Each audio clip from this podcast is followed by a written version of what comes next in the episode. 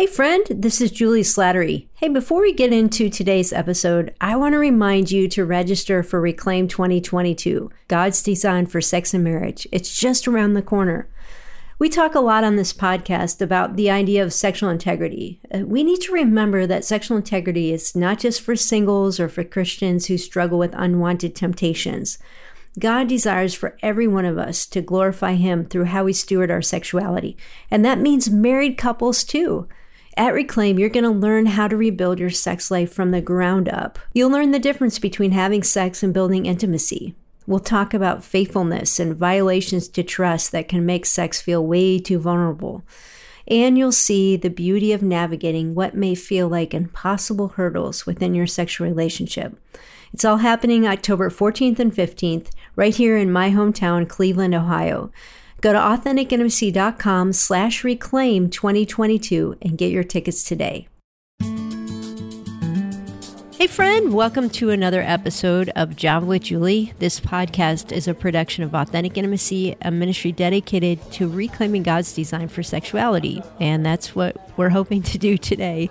I have with me my friend and cousin, Hannah Nitz. Hannah, thanks for joining me. So glad to be here, Julie. Yeah, I just have to say, when I'm on the road, I consistently hear people like, "Oh, I love Hannah. I love her laugh." Everybody talks about your laugh. Here it is. I'm yeah. bringing it live yeah. to you on the podcast. Yeah, I don't know how many laughs we'll have today. This is a pretty heavy topic. I know, Julie. What are you doing to me with these these serious conversations? I know. I know. Yeah, you're good at hitting the hitting the real deal here. Yeah. At the beginning of this podcast series, you were you opened it with something like, you know, at Java with Julie, we don't shy away from the tough topics. I was like, yeah. Mm-hmm. Understatement yeah. of the year. That's yeah, that's kind of true. That's what you do. That's yeah. what you've always done, though. Yeah, it's kind of been your thing. I think it is. I I just am always working through these tough topics for yeah. myself and I figure, hey, if I'm working through them, then other people are as well. So, so let's grab some microphones yeah, and talk about that's it. That's right. Great. Yeah. Uh huh. So you're all on the learning journey with me. Yes. Mm-hmm. The whole team. Yeah. So the last two episodes were were some heavy hitters. Mm-hmm. Two men who I just loved listening to. Yeah. And by the way, on the episode with Greg, we really needed to pause and just talk about his vocabulary. Yeah. Were there times you were listening to the words he said? I mean, I was like, I need a dictionary. Yeah. This guy, he is he has beautiful language. I loved it. He really does. Anyway, um I feel like both Greg and Christopher brought such experience and wisdom to a topic that I think in the church, in our homes, we have questions on, but don't always know even how to articulate. Mm-hmm. And I just loved the wide wisdom that yeah. came with those conversations. Mm. Yeah, those two men have a lot in common, but they're also very different. You mm-hmm. can just tell from their communication. They have very different personalities and perspectives. They're different ages and different answers. Yeah, I uh-huh. think to like the same questions you asked. Yeah. Now, here's why I think that's beautiful and important because there's no doubt in my mind that both Greg and Christopher love God, you know, have had their lives transformed by the Lord mm-hmm. and want to serve God. They're both in full time ministry, helping people navigate issues of sexuality. But you can also see that they're seeing some things from a different lens. Mm. And this is the reality of the Christian walk. We can take any topic and have people that love God, who study the scripture, who have a high view of the scripture, who have given their lives to the Lord, and we don't always agree on everything. And for some people, that freaks them out. You know, Julie, it actually, in listening to these two episodes and hearing what it felt like, just what you said, similar hearts, mm-hmm. similar stories, but again, just these slightly different answers, slightly different outlooks on some of these specific areas within LGBT. It felt almost uncomfortable to me for a second that you mm-hmm. allowed people with different answers. But you know me. So. but if I'm being honest, I, I felt that a little yeah. because it's easier to just listen to an expert who's like, this is the answer. Mm-hmm. And then you listen to another episode and they just repeat it the same way from a different person. Yeah. So, Miss Julie on Java with Julie, doctor mm-hmm. Julie, why then did you have these two back to back that didn't agree 100%.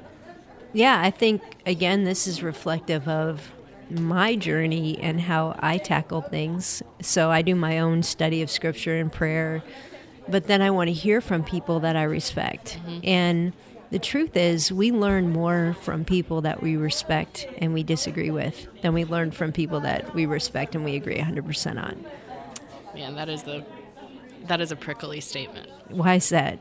I don't know. I just think people are most comfortable with people they agree with. Yeah, but do we learn them? Do we learn the most when we're comfortable? No, I mean, if yeah. we're honest, the answer to that is no. Yeah. But I think so often, I would say myself, and I think the church as a whole has been motivated by comfort. Yeah. So if something feels more comfortable, this yeah. is the route no, we might take. Like the research shows that our churches now are are less about denomination and mm. more about ideology.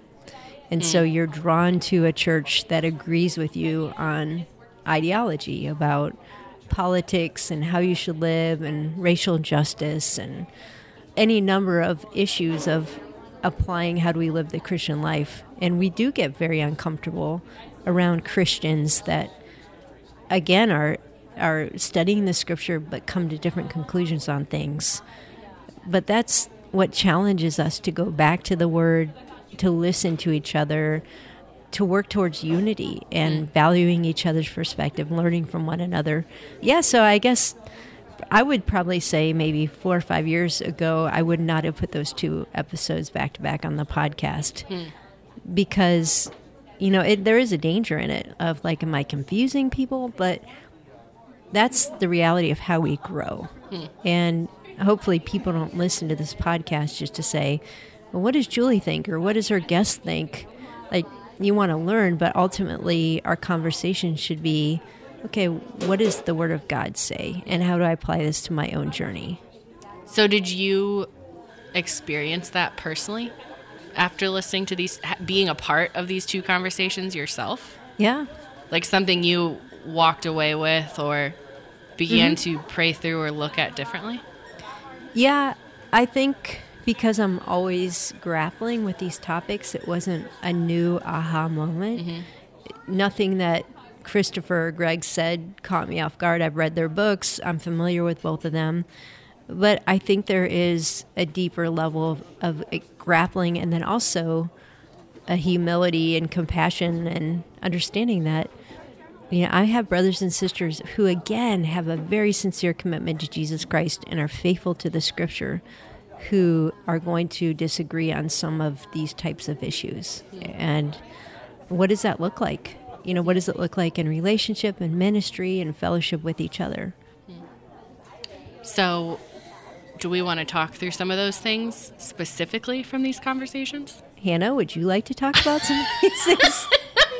I don't know. It's your podcast. Yeah. I don't know. I think, I mean, after listening to both episodes, I just thought I would be interested in hearing some of what Julie thinks about some of these things that are being said, both mm-hmm. by Greg and Christopher, because as I listened to the episodes, I didn't hear your voice a lot. Yeah. You know, which I know that was intentional. Mm-hmm. Um, but yeah, even the way that Greg did talk about the word gay as something that he uses mm-hmm. to as part of who he is, you know. Yeah. Or pieces where Christopher was talking more about desire mm-hmm. and what that looks like. Yeah. I don't know. Yeah, we we can unpack some of that. Let's do it. Uh, yeah, I think you know, first of all, the scripture tells us that some of these things in terms of and they can be very important things, but that are sort of judgments coming out of what we read in scripture, like the label gay there's disagreement, but ultimately Paul says you're this is going to have to come down to your conviction and your conscience, and that as we work together as Christians, we need to take into consideration each other's conscience and not being a stumbling block to one another as we use our freedom. And so, I think even in light of these conversations, we have to remember that our posture towards each other has to be pursuing truth but also a sense of yielding to each other, of listening to each other, of valuing each other's journey with the Lord. So I'm not going to give like a definitive answer of, oh, I think it's okay to be a gay Christian or it's not okay to be a gay Christian. But what I'd rather do is just look at some principles that I think apply to that question and also apply to all of us. And uh, Hannah, it's again going back to why I love this concept of sexual discipleship because the traditional way of Christians addressing these topics is to give you the right answer. Like, what is the right answer? You know, somebody tell me whether this is okay or not. And you can find people that will give you an answer. But I think what God really wants to do is He wants us to grapple with the different layers of what it looks like to be surrendered to Him in our sexuality and in every area. And at some level, I think that's a developmental journey. Do you know what I mean by that? Yeah, it's the process of maturing. Yeah. Or if you think of it more in a, I guess, spiritual word of sanctification, mm-hmm. it's like this ongoing process. Yeah. Right? Right. And it doesn't look the same for everyone, but the journey of the Christian life has to be God increasingly has more of me. Now, when we come to Christ, we give our, our whole selves to Him. But in reality, learning to walk that out takes a lifetime. The same way, Hannah, like when you and Caleb got married, in theory, you promised your whole self to each other. In front of all of our friends and family Yeah, with uh-huh. very specific vows. Right. but Yeah. yeah, but have you lived those out perfectly from day one? My word, no. Yeah. And then as you work through marriage, you realize what you actually promised. It is such a good example, Julie, because there were so many mile markers in our marriage that I can remember and think about, even internally, saying sentences like, This part, though, it's still really up to me. Mm-hmm. You know? Mm-hmm. Like, this territory, this area is not something I have to share with Caleb or Yeah. clear with him, right? Right. You know? and now, 12 years later, seeing such a difference Mm-hmm. in my heart towards that. Yeah.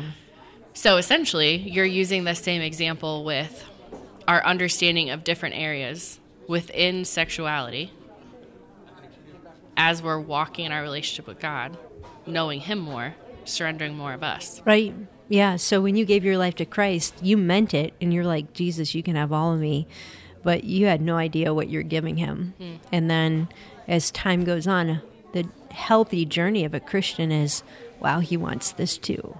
Hmm. And oh my goodness, I didn't realize how much selfishness has been reigning in this area of my heart. Or I didn't see this as an idol before, but now I do. And again, I don't think that this is at all exclusive to the conversation of same sex attraction or gay identity. I think it's true for all of us. So, like, for example, usually our journey starts with behavior.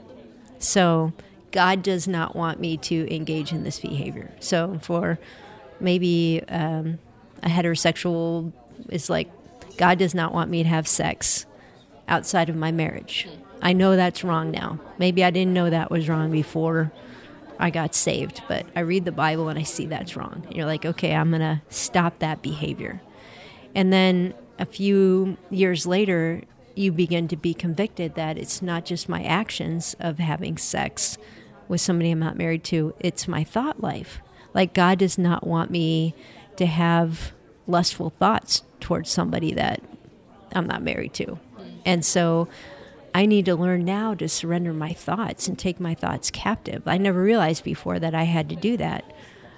Then a few years later, maybe it takes it to another level of, wow, you know, all these things that I, I watch on Netflix are really like not honoring to God. They're all about people sleeping together and treating sex casually. You know, God wants me to stop watching those things and to honor Him in what I choose. So it goes deeper and deeper and deeper. And then the next level is, well, what is it in my heart that longs for that? You know, like what do I think having sex with somebody is going to fill in me? You know, how does that become a God to me? Uh, why has that become more important to me than God has? And so now he's getting to the heart issue, the identity issues. And I think, regardless of what we're talking about, there's a level of development that happens from behavior all the way down into God wants it all. Julie, it reminds me of one of the things that you are most passionate about is the concept of humility.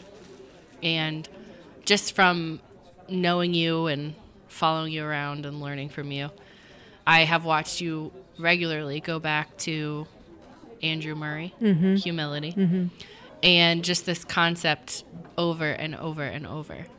And as I hear you talking about this continual giving more of yourself to God, that word just keeps coming through my mind over and over because it requires such humility to be in that place of this constant learning and constant surrender and not at a place of feeling as though I have this figured out.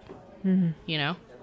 I don't I don't know. I just think for myself a lot of that in growing up in a Christian home, growing up in a Christian school, being involved in ministry, being essentially the most evangelical 20 year old woman you could possibly be. this sense of I know the right answers kept me from so much of what you're describing. Hmm. And for some of us, we might see that in what you're giving these examples through of these little convictions from God. It could be this conversation we're talking about with sexuality and more of these areas that Christopher and Greg brought up, but man, so much of it seems to come back to that root, doesn't it? Yeah, and really, I think humility comes from believing who God is and worshiping Him. Like when we really understand the greatness of God and His grace, we can't help but be humble. Mm. And so, humility is, yeah, something that we seek, but it also is the byproduct of an increasing intimacy with the true God. Um, so, yeah, th- and some of us, I think we're all tempted to do this, but we get stuck on that developmental track. And we begin thinking, well, I'm a Christian, I've got it all together, I know what I believe. And we kind of have a negotiated truce with God, we think. We don't put it in those words, but we do really settle with, I've given this to God and He can have this. But subconsciously, we feel like, but I get to enjoy this. Hmm. And God is so gentle and waiting until it's time to put his finger on that thing and bring conviction.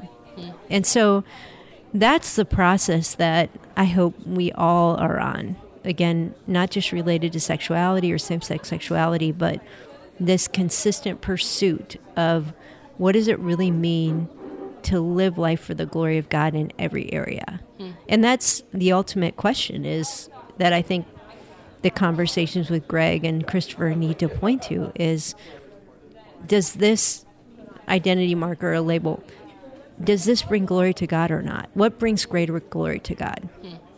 And that's a question I can't answer for an individual. You have to bring that before the Lord. What gives you the greatest glory? That's what it's all about. You know, Paul says when he sums things up, whatever you do, whether you eat or drink or whatever you do, do all for the glory of God. Isn't it interesting too, Julie, how Greg talked about that in the context of wanting to name his book Thorns? Mm-hmm. Because for him, this area of sexuality and being attracted to the same sex felt such a thorn, mm-hmm. such this thing that he just was like, God, if you're actually good, you would take it away. But it gets a little prickly when when you're saying, God, whatever ultimately for your glory, and the thorn remains. Mm-hmm. You know, Yeah.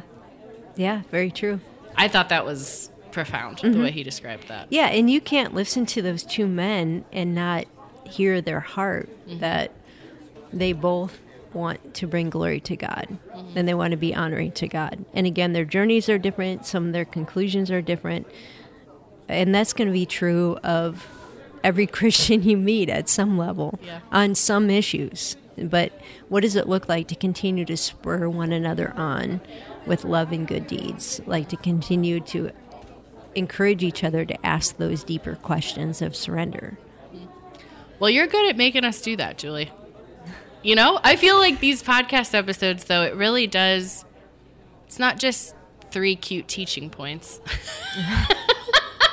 it really does leave you with these deeper questions and um, I just love how you then encourage your listeners and even are in this conversation to say, like, don't stop here. Yeah. You take this back between you and God and keep doing the work. Mm-hmm. And I think that's the beauty of discipleship.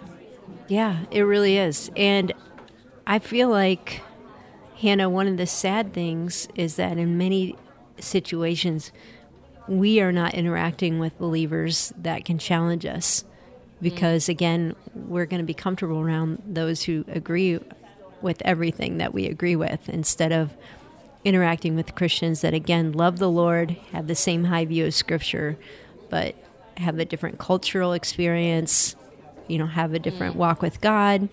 Those are the conversations that are going to challenge you the most. And you may not change your mind on things, but it makes you go back and say, you know, God, it, if I'm getting this wrong, would you show me? Or having that conversation and seeing that perspective in my friend here, my sister here, wow, that really challenges me.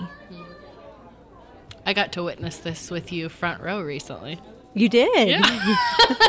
yeah, we have a group that got together, and it was a beautiful conversation between Julie and one of our friends where they really saw things really differently. Mm-hmm. And I loved hearing you two talk about that and share from your different perspectives and not really agree. Yeah. yeah, and but but not divisively. And and in some ways not even disagree. Yeah. You know, like it was more like, okay, that's been your journey, that's your perspective and I can learn from that, but that hasn't been my journey, my perspective. So, uh, like, I didn't walk away from that conversation feeling at all like we disagreed. It was like, wow, I don't see it that way. Um, this is how I see it. So I did love how in the podcast episode, Julie Greg talked about himself being such a peacemaker mm-hmm. and how that is a thing that has made these conversations really uncomfortable for him mm-hmm. at times. And I'm sure as you're talking about this, a lot of us can identify with that feeling of yeah. that discomfort we get. You know that little feeling in the bottom of your stomach. well, there's there's a there's a peacemaker and yeah. I'm a peacemaker too, so I get that. Yeah. But I think there's also another personality, which is I have to be right. Mm. And it's unsettling because to even like realize that there could be an aspect of truth that I'm missing, we get defensive and we feel like we've got to argue to prove that our perspective is right because we get insecure in thinking about, wow, I've gotten this wrong all these years, or this person has a different perspective than I do and they could be right. Like that's threatening. And so for the peacemakers, it is working through that sense of everybody has to agree or this is going to be bad. But for the other personality, maybe more like the eight on the Enneagram, if you're an Enneagram yeah. person, you know, it's it's like you have to get over the need to be right about everything. I think when I was listening, I didn't necessarily feel this sense of I need to be right, mm-hmm. but I did at times. There was pieces during Christopher's conversation that it did feel like new information to me that I thought I'm not completely sure about this yet. Mm-hmm. And it was the way that he talked about our sexual desire. Mm-hmm. Could you remind us of that or how you would yeah, summarize that? Yeah. Um, yeah, that was, if you listen to the conversation, you know, I asked some follow up questions about it too because it kind of struck me the way he was saying at some level all sexual desire unless it's a desire for somebody you're married to is wrong and sinful. And which a i had never heard that. Yeah. And b i just i felt I, like i had so many follow-up questions. Yeah i've heard it and i feel like one of the things we've been trying to do at authentic intimacy is maybe nuance that a little bit differently. Yeah. Because i think people have so much shame just for being sexual mm. beings. Mm. You know, they have shame for having sexual dreams, or they have shame for feeling attracted to someone. They have shame for having sexual desires that they don't know what to do with. And uh, and so that was a statement that or a conversation piece that Christopher and I had where I had to go back and like rethink that a little bit and be mm. like, okay, well, what does the scripture really say about that? And is it true that if you're not married, every sexual desire you have is at some level sinful. Mm. So then, taking that, mm-hmm. how would you nuance it differently? Or how would you. Yeah. So, Hannah, I really think like every desire we have has a kernel of the goodness of God and the image of God in us. I love the way you think. Julie. Well, I just, I just Tell me more about yeah, this. Um, every part of who we are is God made and God given, but every part of who we are has also been twisted by our sin nature, hmm. and so honestly, I can't have a desire that doesn't have some good in it and some bad in it. If we say, okay, I'm made in the image of God, if I desire something, it, at its core kernel, there has to be something in it that was from God, but then it's twisted. And, and I've heard even people like Dan Allender talk about this related to sexual trauma or abuse. You know, that he'll even talk about the perpetrator saying that there's something in the desire that it, it, that person believes is life giving. And now it's twisted beyond any imagination at times. It's harmful, it's sinful, it's awful. But if we get to the root of why we want to connect, why we want to have a sexual experience, even why we want to have power because we feel threatened, you know, you get to this sense of, okay, like, you know, one of the things that I sometimes say is sin is an illegitimate way to meet legitimate needs. And I think that's really true. There's an aspect of our sexual desire that is given by God because we are made for connection. It's not good for us to be alone. Uh, we were made to pursue. We were made to pursue intimacy. We long to be intimately known. And we long for that union that is meant to reflect Christ in the church. And that in and of itself is a God given thing. But at every level, I'm going to experience that as a fallen human being, whether I'm single or married or gay or heterosexual. It's going to be twisted by my sin nature. Hmm. And so it's going to be twisted by selfishness or lust or fear or lies, I believe. And I, so I don't think there's any purely holy sexual desire that we'll experience here on earth. And I don't think there's anything that is 100% awful and sinful that doesn't have a root of something that God intended us to have in the beginning. Wow. That's so profound. Is it? And it introduces more gray area. yeah, I know. But you know, like I, I was even trying to. Wow. I was even trying to think of an example, like doing this podcast. Yeah. So, and I've wrestled with this, Hannah, my whole life. When I do ministry, there's a good desire, a God given desire within me to use my gifts, to build up the body of Christ, to encourage people. But I'm always going to bring along with that the twist of my pride, of my ego, of Seeing my num- these numbers grow. Yeah, Or, Ooh, yeah. Who started listening to my podcast? or even what do Christopher and Greg think after they hear this? You know, like I want to be kind to. hey, you guys did a great job. I mean, it's just all that's mixed in the milieu of it. And Uh. at one point, you know, Paul even says, "I don't even judge myself anymore because, like, motives are so deep that I have to just bring it before God and let Him be my judge and Him be my gracious Redeemer." And so, to think that anything we do is 100% purely evil or 100% purely good, I think either denies how twisted our nature is by sin or denies the beauty of the image of God yeah, the goodness of God in us. Yeah. Yeah. Man, it really brings back this conversation, which I think is why you talk about it so often, of discipleship. Yeah. This is a it's just example after example because eh, this is the perfect example because it's not this clear cut. It's a mm-hmm. desire, it's you know? Mm-hmm. It's pushing into it and mm-hmm. and walking these things out in our own heart and with the Lord saying, "What do I do with this?" Yeah. Man. Yeah. And walking it out in community. Again, challenging each other and asking each other good questions and reminding ourselves and each other of God's grace in the journey. Hmm.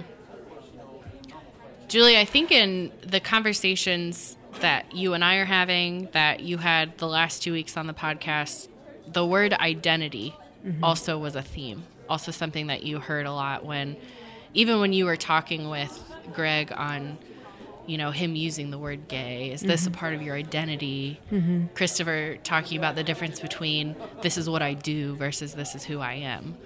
Was there anything more around identity in this conversation that you've been thinking about? Yeah, I think identity is so key and we miss it. And this is something that I feel like God's been teaching me over the last year or so. And people may have even heard me say this on this podcast, but God only fundamentally changes what we do after He foundationally changes who we are. And I think so much of our efforts, again, in the Christian life, go towards behavior. Like, I want to stop gossiping. I want to stop lusting. I want to stop looking at pornography. I want to stop losing my temper. And there are pieces of discipline that we can do and accountability to curb behavior. But what we're missing is how God wants to transform who you are. And, you know, I've been just convicted as I've read and really studied like some of Paul's letters, like Philippians and Ephesians. The what you should do, the actions always come towards the end of the letter but we always want to study those things because it tells us what to do. You oh, know, it's like right what we stick yeah, we being- feel like that's the main point. That's Like, This was just a build up to get to the main point yeah, of how see, we should act. You think about Philippians and it's be anxious for nothing, you be- you know, but in everything prayer and and petition Yeah. with thanksgiving, present your requests to God. And we think about Ephesians, all the teaching on putting on the armor of God and how you should be as a husband and wife and obeying children obeying your parents and all this stuff. But we don't read the beginning of these letters. Why should we? Let me tell you why. Because the beginning of these letters give us the how. Hmm. And it's really all about understanding the grace of God, understanding what God has done and how He has completely changed who we are. If, if you read the first three chapters of Ephesians, it's all about, like, Paul almost gets repetitive over and over again, hammering home that God has chosen you, He's predestined you. Do you understand His grace? Do you understand that He gave everything for you? He loves you. This was part of His good pleasure. And so when we really understand what Christ has done and what how God loves us and how that's meant to transform how we see ourselves, then all these behaviors begin to flow out of a new self. Mm. I think really this is the most important Bible verse related to our sex life and it's in 2 Corinthians 5:17. Therefore if any man or woman be in Christ, he's a new creature. Old things have passed away, behold all things have become new. And It's not a list of behaviors. no, but Hannah, that's probably a Bible verse you learned in Sunday school. You know, as a seven-year-old. Yeah. I know I've known that one my whole life, but do we really consider what it means? Hmm. Like a new creature, a different kind of person has different affections, different perspectives, different attitudes, and the more I walk with people who are wrestling with things around sexuality and, and others, the core issue is we don't believe in Christ's transformation of our hearts and our lives. We really don't believe that we became new creatures. Hmm. And so we're living out of the old nature. We're still living with our belief that I need this order to be happy or fulfilled. But if we really believed everything Jesus says and God says in His Word about who we have become, I just think the sin stuff would just kind of fall away. Hmm. Man, that's true on so many levels. I think I've been learning that in this last year about the spirit because we read about the power of God's spirit. Do I mm-hmm. actually believe that? I feel like in the year before that, so much of it was man, I have talked about forever about God's love for us. But when I'm mm-hmm. actually real, do I actually believe that his love for me, Hannah, is that deep? There's so much like that, Julie, that we can say and we can quote and we know, but we don't live that it's true. Mm-hmm. And that verse is a perfect example and your application to it within discipleship and within understanding sexuality. Yeah. Yeah. So, you know, I feel like this is such a key part for, again, all of us. And we tend to just apply this to the LGBT conversation because those conversations are so obviously around identity, around how do I identify. But all of us need to ask the question what is the most important thing about me? Word. because there's a lot of ways I can define myself. There's a lot of ways I can think about myself. Mm. But what is the one identity under which everything else submits? Mm. The one thing that matters the most.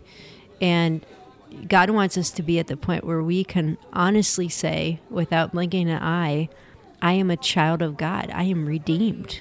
You know, I'm washed and sanctified by his blood. I belong to him. And everything else might be true. You still might be a Browns fan. you still might be a daughter or a son. You still may identify with things that have happened to you or struggles you have. But those things are eclipsed by the one identity that is eternal and that really matters the most. Well, friend, I hope these past episodes have been an encouragement to you and that you've been challenged to ask God, Lord, where am I placing my identity? I encourage you to press into His Word and ask Him to show you what it looks like for you to live every day as really a new creation in Christ Jesus. We talk here at Authentic Intimacy a lot about this concept of sexual discipleship. What does it look like for Jesus to own more and more of who you are each passing day? And that's really the goal. Now, don't forget, it's not too late for you to join us for our Reclaim Conference, where I'll be teaching on God's design for sex and marriage. Dr. Michael Sytsma and Dr. Jennifer Degler will be with me as well. So come out to beautiful Northeastern Ohio, October 14th and 15th, for two days of teaching that will transform your thinking on what really makes a great sex life. Hey, thanks for listening, and I look forward to having coffee with you next time on Java with Julie.